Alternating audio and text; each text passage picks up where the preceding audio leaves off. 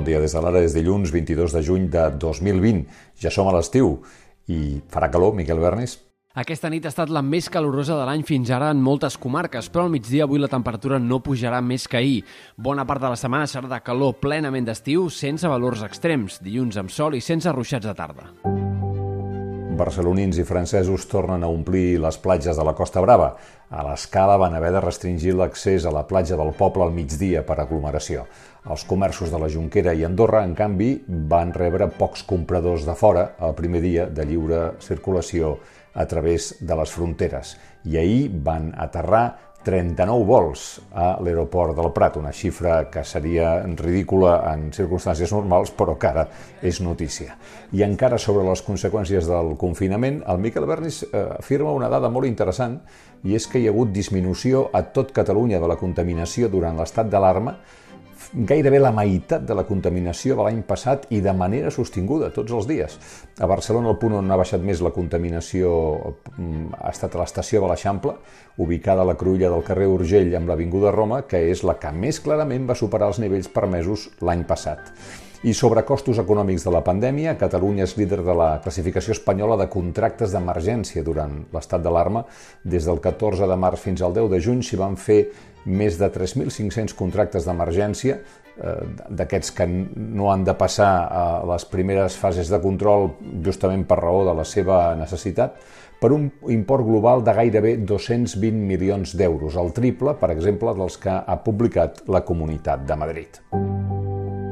En plana política, destaquem l'entrevista a Jordi Sánchez que li va fer l'Ester Vera al nostre plató, aprofitant un permís de 24 hores concedit per la presó i en plena negociació entre la Crida i el PDeCAT. Crec que alguns han frivolitzat excessivament amb el diàleg. Jo hagués preferit, en el seu moment, un acord per preparar unes bases per un diàleg, amb menys fotografies, i molt més efectius, d'equips de persones que no estiguessin sotmeses a una pressió política o mediàtica, malament està una mesa que surt ja molt condicionada per la urgència d'una eh, fotografia d'una imatge. I crec que en aquests moments el senyor Pedro Sánchez especula. I especula amb el diàleg per dividir l'independentisme. Més motius de preocupació per la Casa Reial Espanyola. Un amic íntim del rei Joan Carles, l'empresari Josep Cosí, va pagar bona part del viatge de noces de Felip, i, eh, de Felip VI i Letícia Ortiz l'any 2004. Cosí va pagar 269.000 euros en diners provinents de la seva empresa, Navilot, i el rei Joan Carles en va pagar 177.000. Ho va publicar ahir el diari britànic Sunday Telegraph. Els aleshores prínceps d'Astúries van viatjar a Jordània, a Cambodja, les illes Fiji eh, i Samoa al Pacífic, Califòrnia i Mèxic. En alguns eh, dels documents de reserva de les estades eh, que ha pogut consultar, eh, consultar el diari britànic, Felip i Letícia s'identificaven com a senyor i senyora Smith. Manuel Laos converteix en el segon accionista de Merlin Properties després de vendre's Circe. Es calcula que per 2.235 milions d'euros a Blackstone.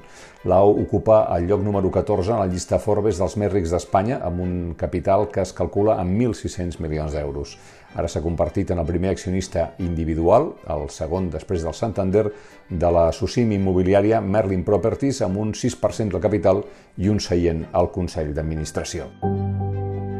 El president nord-americà Donald Trump va acomiadar dissabte a la nit el fiscal federal que va posar el seu antic advocat personal a la presó i que ara està investigant l'actual advocat de Trump. Això ha fet augmentar les veus crítiques que acusen el president d'estar fent una purga per netejar l'administració de funcionaris, la independència dels quals podrien amenaçar la seva reelecció com a president als comicis del novembre. No ha estat un bon cap de setmana per Donald Trump, que va fer un míting davant un pavelló que no va omplir de gent.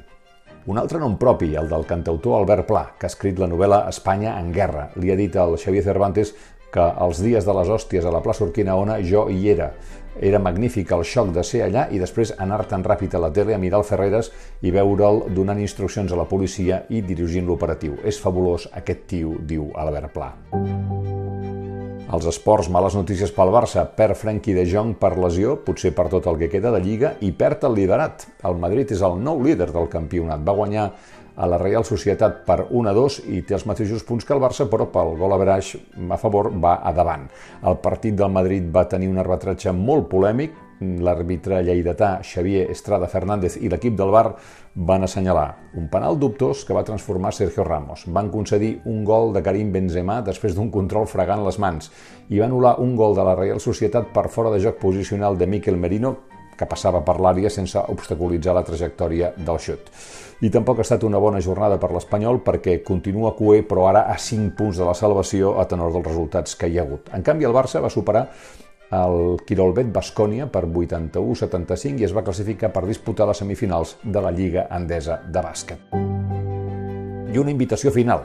D'avui en 8, dilluns 29 de juny, farem un debat digital via Zoom eh, sobre com han tractat els mitjans el debat Catalunya-Espanya. En parlarem en conversa amb el periodista i columnista de La Vanguardia, Francesc Marc Álvaro. També intervindran Neus Tomàs, directora adjunta de Diario.es, l'Àlex Gutiérrez, cap de mèdia de l'Ara, Mònica Planes, la crítica televisiva del diari, i el professor de disseny gràfic Ricardo Ferich. Això és dilluns que ve a les 7 de la tarda. Fins aquí les claus del dia. Tornem d'aquí uns minuts amb l'anàlisi de l'actualitat. Fins ara.